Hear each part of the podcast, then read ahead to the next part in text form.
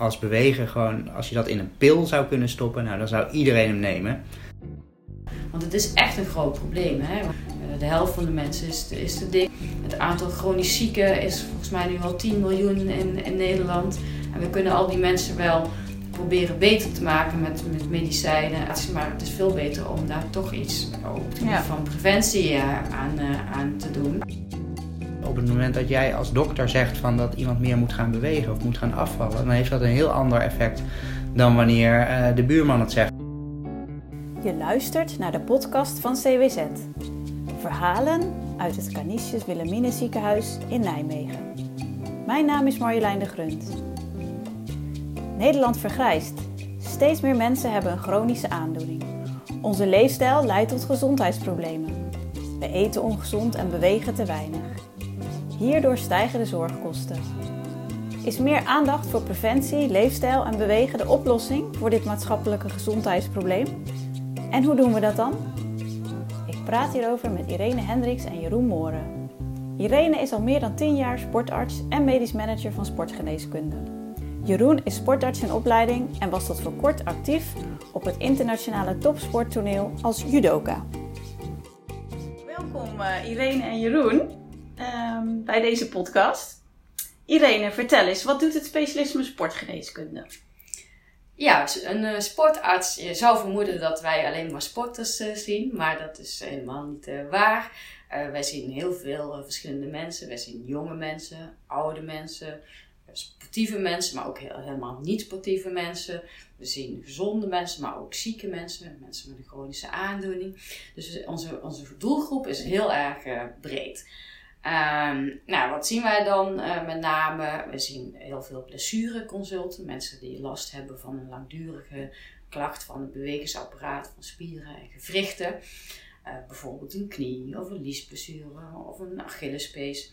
Um, nou, dan kijken we naar die, uh, naar die mensen. We kijken dan bijvoorbeeld als iemand last heeft van zijn knie, niet alleen naar de knie, maar ook naar de houding en de balans. Ook andere factoren nemen we mee, zoals bijvoorbeeld trainingsfactoren, maar ook leefstijlfactoren. En al die factoren nemen we samen en kijken we van wat is nu de diagnose. Het kan bijvoorbeeld wel nodig zijn om nog een keer toch een diagnostiek te doen, een, foto of een MRI. Ehm, maar heel vaak kun je ook met goede adviezen en uh, conservatieve behandelingen iemand ja, wel echt op weg helpen. maar we zien ook heel veel mensen met klachten eh, op het gebied van bewegen en uh, bijvoorbeeld vermoeidheid of benauwdheid. Um, wat we dan doen is uh, ja, dat probleem in kaart brengen. Nou, heel vaak komt daar niet per se uit dat het een aandoening is, maar meer een conditioneel probleem. En dan proberen we de, de patiënt uh, ook echt adviezen mee te geven hoe ze daar mee om moeten gaan. Ja. We zien nu bijvoorbeeld heel veel mensen na COVID. Uh, oh ja. ja. die hebben dan vaak restklachten. Dat doen we samen met de longgeneeskunde. We kijken dan van ja, waar, waar zit het nou het probleem? maar we zien dus heel vaak dat het toch meer een probleem is van, van de conditie, ademhalingstechniek en, en proberen die mensen een advies te geven hoe ze ja. daarmee om moeten gaan. Ja. Jeroen, jij bent zelf ook uh, topsporter geweest, dus uh, misschien voor jou een logische keuze om uh, sportarts te willen worden. Je was internationaal judoka. onder andere twee bronzen medailles gehaald op het EK in 2010, 2012 en je deed ook twee keer mee aan de Olympische Spelen. Welke rol speelt bewegen in jouw leven? Um, nou, bewegen, uh, dat speelt nog steeds een grote rol in mijn leven. Vroeger was het natuurlijk echt uh, topsport. Uh, stond echt mijn hele leven in het teken van bewegen. Ja. Alles werd gepland rondom mijn trainingen. Uh, dat is nu wel iets anders. Ehm, maar nu haal ik nog steeds heel veel plezier en energie uit, uit, uit bewegen en, en sporten. ik vind het gewoon super leuk om, om te sporten en het geeft me ook veel voldoening. en daarnaast nou ja, ben ik nu sportarts in opleiding. Dat betekent ook dat ik, um, dat ik andere mensen probeer te helpen um, om ervoor te zorgen dat, dat ze goed kunnen bewegen. Um, want we proberen inderdaad, wat Irene ook zei, zoveel mogelijk de beperkingen weg te halen, zodat ja. iedereen gewoon kan sporten op zijn of haar eigen niveau.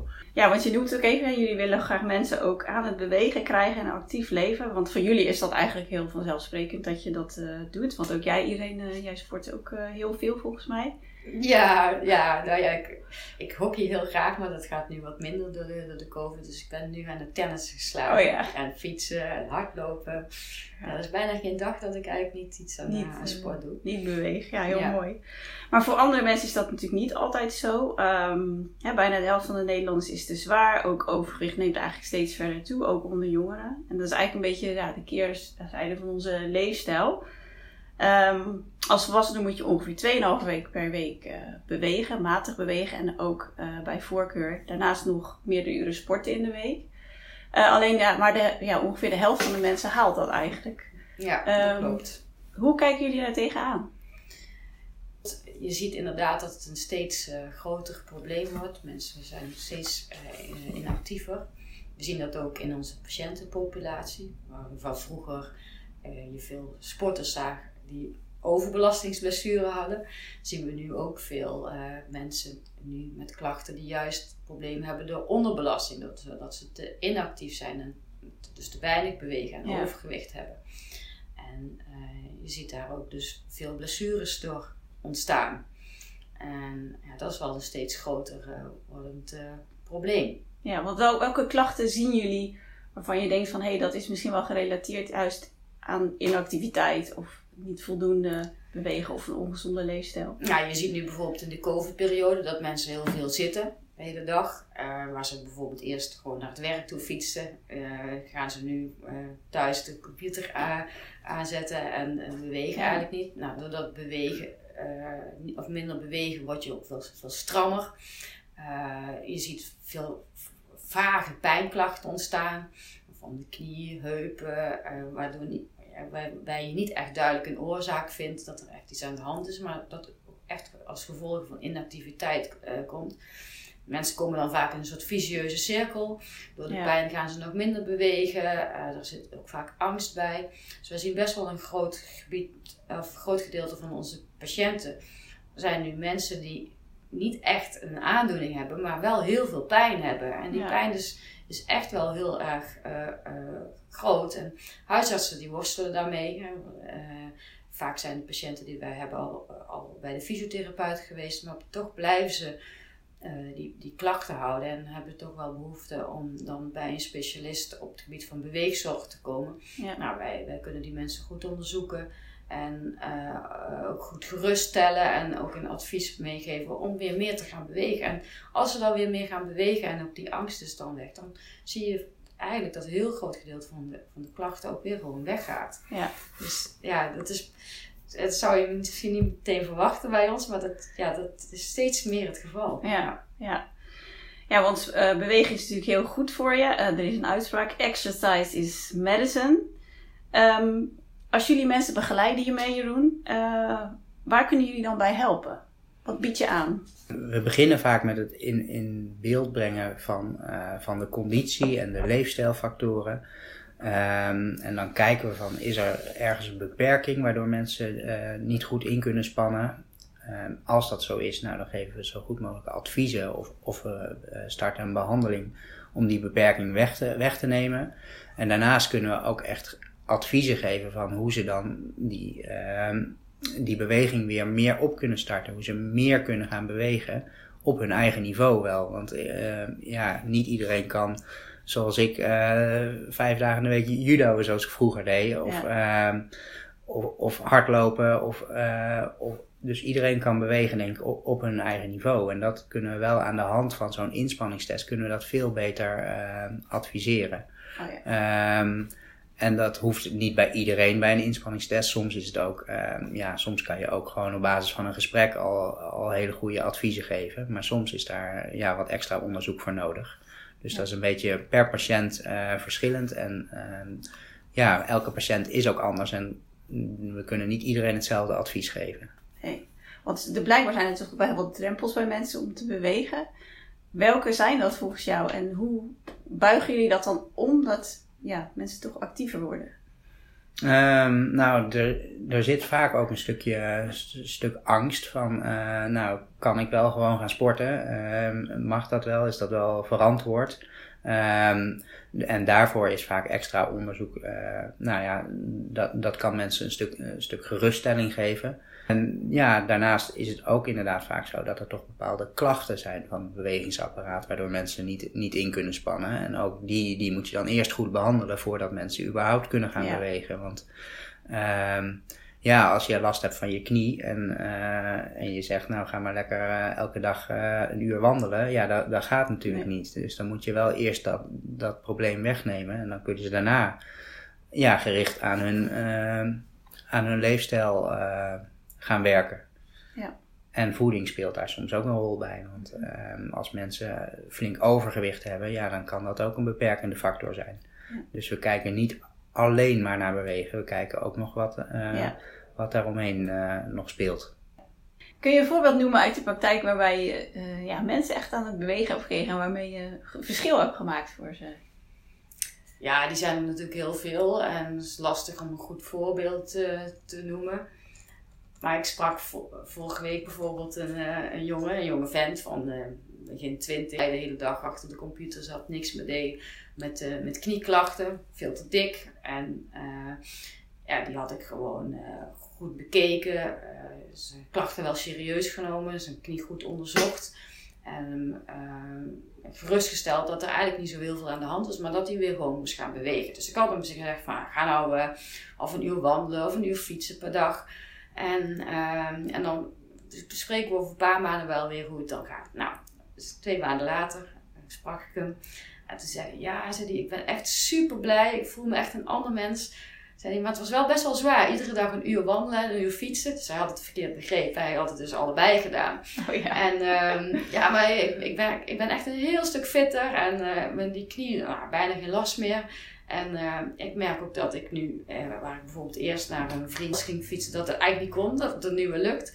Ja. Dus eh, ja, dat geeft mij wel een, een lekker gevoel. Dan heb je iemand eigenlijk zelf laten inzien wat hij kan veranderen Ja. en zijn leefstijl verandert. En ja, dan is er iemand zo blij. ja. En hij heeft uiteindelijk niet zoveel gedaan, maar toch ook wel weer wel. Wel, Ja, ja. dus dat is, vind ik altijd een hele leuke patiënt. Ja. ja, nou dat is een mooi verhaal. Zeker. Nou, bij ons in de zorg- en welzijnssector zien we ook eigenlijk dat er een groeiende aandacht is voor leefstijl, bewegen, preventie. Hè. We zouden eigenlijk meer van wat we nu doen, cure, meer naar care for prevent eh, moeten gaan. Ehm, Irene, waarom moeten wij als ziekenhuis hier ook iets mee? Want er gebeurt eigenlijk al best wel veel op dit gebied natuurlijk. Heel veel organisaties zijn ermee bezig. Waarom zou CWZ er dan ook nog iets mee moeten doen? Ja, dat klopt. Hè. We, eh, er is een groeiende aandacht voor eh, preventie. eh, in, eigenlijk in alle sectoren.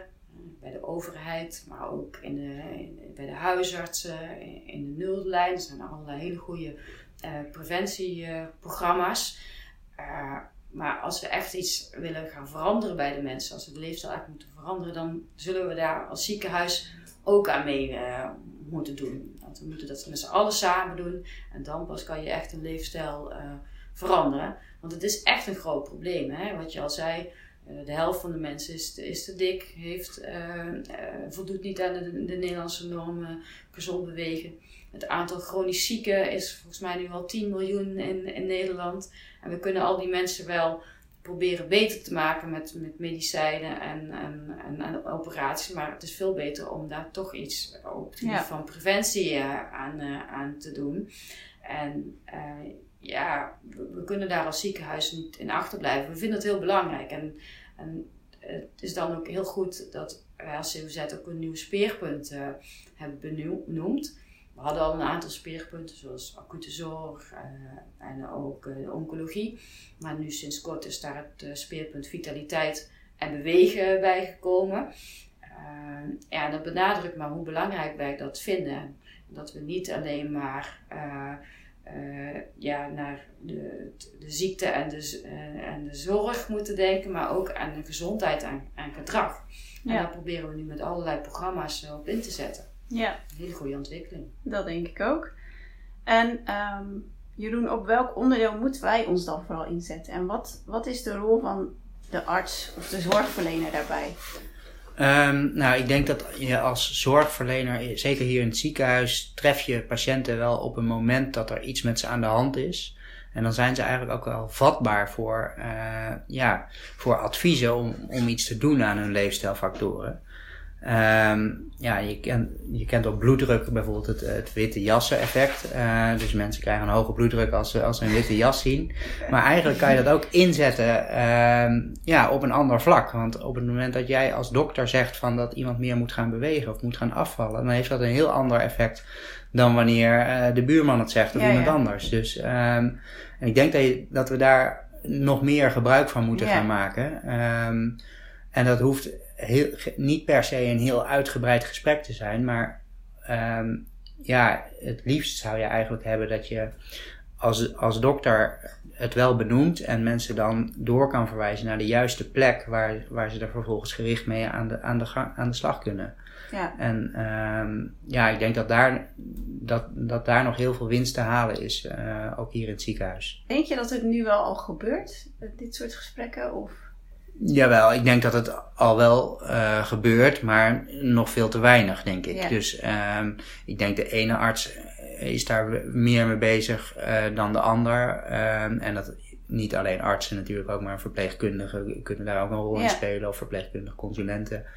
We hebben natuurlijk ook allemaal weinig tijd in het ziekenhuis, ja. dus uh, een consult is maar kort vaak. En ja. vaak, uh, ja, soms loop je ook nog uit en dan denk je, nou, dat, uh, dat komt de volgende keer wel.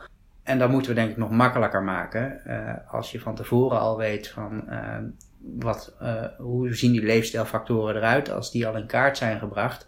Nou, dan, dan heb je daar al een stuk minder tijd voor nodig. En kan je vervolgens, als je dan ook nog zorgt dat je mensen ergens naartoe kan sturen waar er wat mee gedaan gaat worden, ja. dan hoeft het helemaal niet zoveel tijd te kosten, denk ik. Ja, dus als je even heel concreet, hoe zou je dan drempels die er nu misschien zijn om de aandacht aan te besteden dan willen oplossen?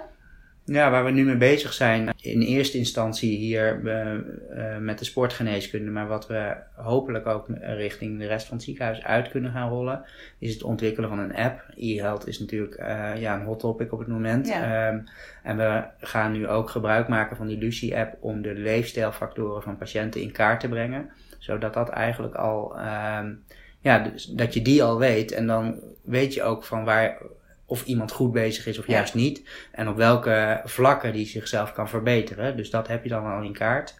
En dan proberen we vervolgens aan de achterkant uh, te regelen dat we een breed netwerk hebben waar we naar kunnen verwijzen. Dat je ook de juiste zorg op de juiste plek hebt. Dus echt niet alles hoeft hier in het ziekenhuis te gebeuren. Nee. Maar het liefst hebben we wel dat. Uh, dat mensen dan misschien nog één keer opgebeld worden door iemand van het belteam of um, waar we nu ook mee bezig zijn om daar stagiaire sportkunde voor in te zetten, die dan um, oh, ja. ook opgeleid worden als leefstijlcoach, zeg maar, om daar wat mee te doen. Dat ze nog één keer in ieder geval advies krijgen, die patiënten, met um, waar ze aan kunnen uh, werken, hoe ze dat kunnen doen en waar ze daarvoor uh, voor terecht kunnen. En um, op die manier denk ik dat je als dokter daar, of verpleegkundige, je daar niet zo heel veel tijd aan kwijt bent, maar dat je wel heel veel kan betekenen voor de patiënt. Ja, ja, ja want we willen echt ook die drempel weghalen, want dat is heel belangrijk. Hè? Je ziet heel veel mensen die willen best wel iets veranderen aan hun leefstijl. Ja. Die willen bijvoorbeeld uh, stoppen met roken. Maar ja, om daar daadwerkelijk mee te beginnen, dat is best een lastige. Ja. En uh, wij denken dat als wij als arts in het ziekenhuis die patiënt een extra zetje geven om daarmee ja. te gaan starten, dat, dat veel meer mensen daar ook, ook daadwerkelijk gaan doen. Ja. En uh, ja, dat is een belangrijk, die drempel wegnemen. Ook de financiële drempel, dat is natuurlijk ook een belangrijke vaak. Ja. Dat, daarom is het ook goed dat er allerlei programma's zijn uh, in de basisverzekering, in de, in de nulde lijn, die ook gewoon volledig vergoed worden. Ja. En, en dat zou je rol als ziekenhuis dus vooral zijn, je signaleert je, je benoemt het en je verwijst door ja. naar ja, uh, ja, precies. anderen die daarmee aan de slag ja. gaan. En door dan gebruik te maken van e-health kost het ons minder tijd. Ja. Maar alleen e-health is niet voldoende. Want nee. je moet wel ook echt, echt contact hebben met de, ja. met de patiënt als zorgverlener. En later, wat Jeroen net zei, eventueel uh, door het belteam een, een leefstijlconsulent. Ja. ja. Kunnen jullie misschien nog wat meer voorbeelden noemen van hoe dat er dan nog in de praktijk uh, uit zou kunnen zien? Ik weet niet of jullie bijvoorbeeld, jullie zitten ook in samenwerkingsverband in Sportcube bijvoorbeeld. Daar, ja, uh, misschien dat daar al voorbeelden zijn die uh, Ja, we zijn nu zijn nu met uh, een, programma bezig. Dat heet Rookvrij en Fitter. Dat is een heel leuk programma waarbij eigenlijk mensen cognitieve gedragstherapie krijgen. Dus leren eigenlijk hoe ze dat moeten veranderen. In combinatie met een beweegprogramma. dat is een kort, kort programma van, van drie weken. Dat we inderdaad ook vergoed door de zorgverzekeraar. En ehm, ja, daaraan leren mensen ook echt daadwerkelijk te stoppen met roken. En proberen dat daarna ook vol te houden. Het programma biedt ook mogelijkheden om na het beëindigen van de cursus ook, ook te blijven bewegen met een groep. En uh, ja, ja dat zijn leuke programma's. Wij zijn nu ook aan het kijken van uh, is, is dat programma ook effectief? Dus uh, met wetenschappelijk onderzoek. Oh ja. En, ehm, en de bedoeling is eigenlijk ook om nog meer van dit soort leefstijlprogramma's ook daar te gaan, eh, gaan uitrollen. Ja. ja. Heel mooi. En we hebben natuurlijk ook, eh, je noemde net ook al de groep eh, chronische patiënten. Dat worden natuurlijk ook steeds meer. En die zien we ook heel veel in ons ziekenhuis. Wat, wat zouden we voor deze mensen nog kunnen doen? Bijvoorbeeld in de, in de, in de behandeling of in, in nazorg? Of... Ja, nou die, die, die preventieprogramma's zijn ook goed. Maar ehm, wat denk ik ook een, een belangrijke rol is binnen het ziekenhuis om iets te doen aan prevalidatie. Nou, prevalidatie betekent eigenlijk revalidatie voor een uh, operatie. Uh, je ziet dat de mensen die niet, niet fit zijn of een chronische aandoening hebben, dat die vaak een slechtere conditie hebben en dus ook meer risico hebben dat als we een operatie hebben gehad, complicaties krijgen of dat ja, gewoon het resultaat van de operatie ook minder goed is. En wat we dan willen doen is eigenlijk dat we die, die groep Ehm, bijvoorbeeld, stel iemand krijgt de diagnose darmkanker. Ehm, nou, wat je dan vaak ziet als iemand zo'n diagnose krijgt, dat je dan eigenlijk alles uit je handen laat vallen en veel minder gaat doen. Dus dat je conditie eigenlijk nog minder wordt. Ja. Uh, nou, dan krijg je een operatie en dan krijg je dus eigenlijk best wel grote kansen op complicaties. Wat we dan zouden willen doen, is eigenlijk die groep voorafgaand aan uh, zo'n operatie juist actiever krijgen, trainen. En als een week of vier trainen geeft dan eigenlijk al voldoende effect om dan uh, die groep toch fitter de operatie in te laten gaan. Ja, en, en de patiënt een betere prognose te kunnen geven. Ja. En dat geeft uiteindelijk ook minder zorgkosten, door minder operaties, minder, uh, minder complicaties, minder complicaties kortere opnameduur. En ja, dat is iets wat wetenschappelijk ook echt aangetoond is. En wat, wat we eigenlijk in het CWZ ook veel meer moeten gaan doen. Uh, wat ook belangrijk is tijdens opname, is dat uh, we mensen veel meer moeten stimuleren om te bewegen. Bedrust is echt het slechtste wat je maar kan doen. Er zijn natuurlijk heel veel mensen echt ziek in het ziekenhuis, maar ook heel veel dieren in het ziekenhuis zijn, zouden het best gewoon zich ochtends kunnen aankleden, een wandelingetje kunnen maken. En daar moeten we veel meer promoten. Nou, daar zijn we ook mee bezig met de nieuwe verpleegafdelingen die gebouwd worden. Wordt daar rekening mee gehouden. En ook de paramedische dienst, die zijn daar ook heel erg bij, bij betrokken. Dus we moeten bewegen veel meer. Eigenlijk overal in het ziekenhuis ja, op, ja, uh, proberen te introduceren. Ja, precies. Ja, oké. Wat is nou de droom voor CWZ? Als je zegt van nou, over vijf jaar dan zou ik het heel gaaf vinden als we daar staan. En um, ja, zijn er nog ook tips voor collega's uh, om ja, gezond en fit te blijven? Want die zijn natuurlijk ook heel belangrijk. Mijn droom voor het CWZ zou zijn uh, dat het hele ziekenhuis eigenlijk uh, vitaliteit en bewegen uit gaat stralen. Dat mensen hier niet alleen maar komen als, als ze ziek zijn en dan ja, daarvoor behandeld worden. Maar ook dat ze ja, dan adviezen krijgen waar ze iets mee kunnen. Um, ook na hun ziekte, zeg maar. En ik denk dat, dat, dat we daar een, een stuk grotere rol in kunnen spelen. En dat, dat kan denk ik ook uit gaan stralen naar de hele omgeving, maar ook binnen het ziekenhuis zelf. En dan moeten we natuurlijk ook goed zorgen voor onze eigen werknemers. Als, uh, als we patiënten adviseren om heel gezond te leven. En we, we vallen zelf allemaal om omdat we te hard werken en, uh, en niet genoeg bewegen. Ja, dat, dat lijkt me niet de goede weg. Mijn droom zou dan natuurlijk ook zijn dat, dat we als uh, personeel met z'n allen een stuk fitter zijn over vijf jaar. Ja, en hoe gaan we dat doen, Irene? Ja, voor de medewerkers is het belangrijk dat ze ook gedurende het werk meer bewegen.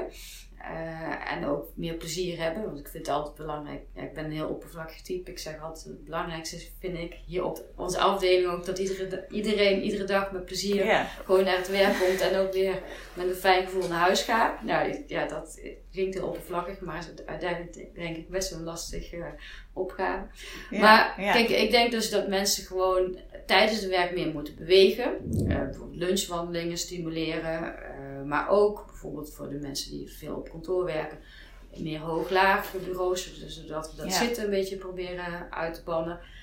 Maar daarnaast is het natuurlijk ook hartstikke leuk als we met CWZ, met de medewerkers weer wat, wat leuke sportactiviteiten gaan doen. Dat er bijvoorbeeld een Zevenheuvelen uh, loop, uh, als die weer doorgaat, uh, dat we daar met een team aan mee kunnen doen. En met een Vierdaagse. Ook gewoon leuke activiteiten om ook meer, meer plezier te krijgen en, en daarnaast ook meer te bewegen. Ja. En eh, nou heb ik het heel erg over bewegen, maar op ander vlak zijn er ook heel veel goede initiatieven om uh, ja, met meer plezier te werken. Het programma Sterker je werk is heel. Uh, geeft super veel mogelijkheden. Ik daag iedereen eens uit om op de website te kijken. Als je dat ziet, dan, dan, denk je: jeetje, wat wordt er allemaal wel niet georganiseerd door het CWZ? Maar wordt eigenlijk veel te weinig gebruik van gemaakt. En uh, ja, ja, dat, dat uh, zouden we meer moeten doen. En uh, daarnaast hebben we, dat is misschien ook wel een klein beetje reclame we maken we sportgeneeskunde. maar ja, als er mensen nou zijn binnen het CWZ die zeggen, ja, ik wil toch wel graag graag sporten, maar ik weet niet zo goed hoe. Ik heb een blessure of ik heb een chronische aandoening. Nou, wil je daar, daar tips voor, uh, dan kan je uh, bij ons een sportmedisch onderzoek komen doen. Ook met, met korting voor de CVZ-medewerkers, waarbij, waarbij we gewoon kunnen kijken van hoe sta je er nu voor en hoe kun je, kunnen we je nou tips geven om ja, toch nog fitter en vitaler het leven door te gaan. Ja. Dus ja, dat is een uitnodiging. Nou, bij deze staat hij erop.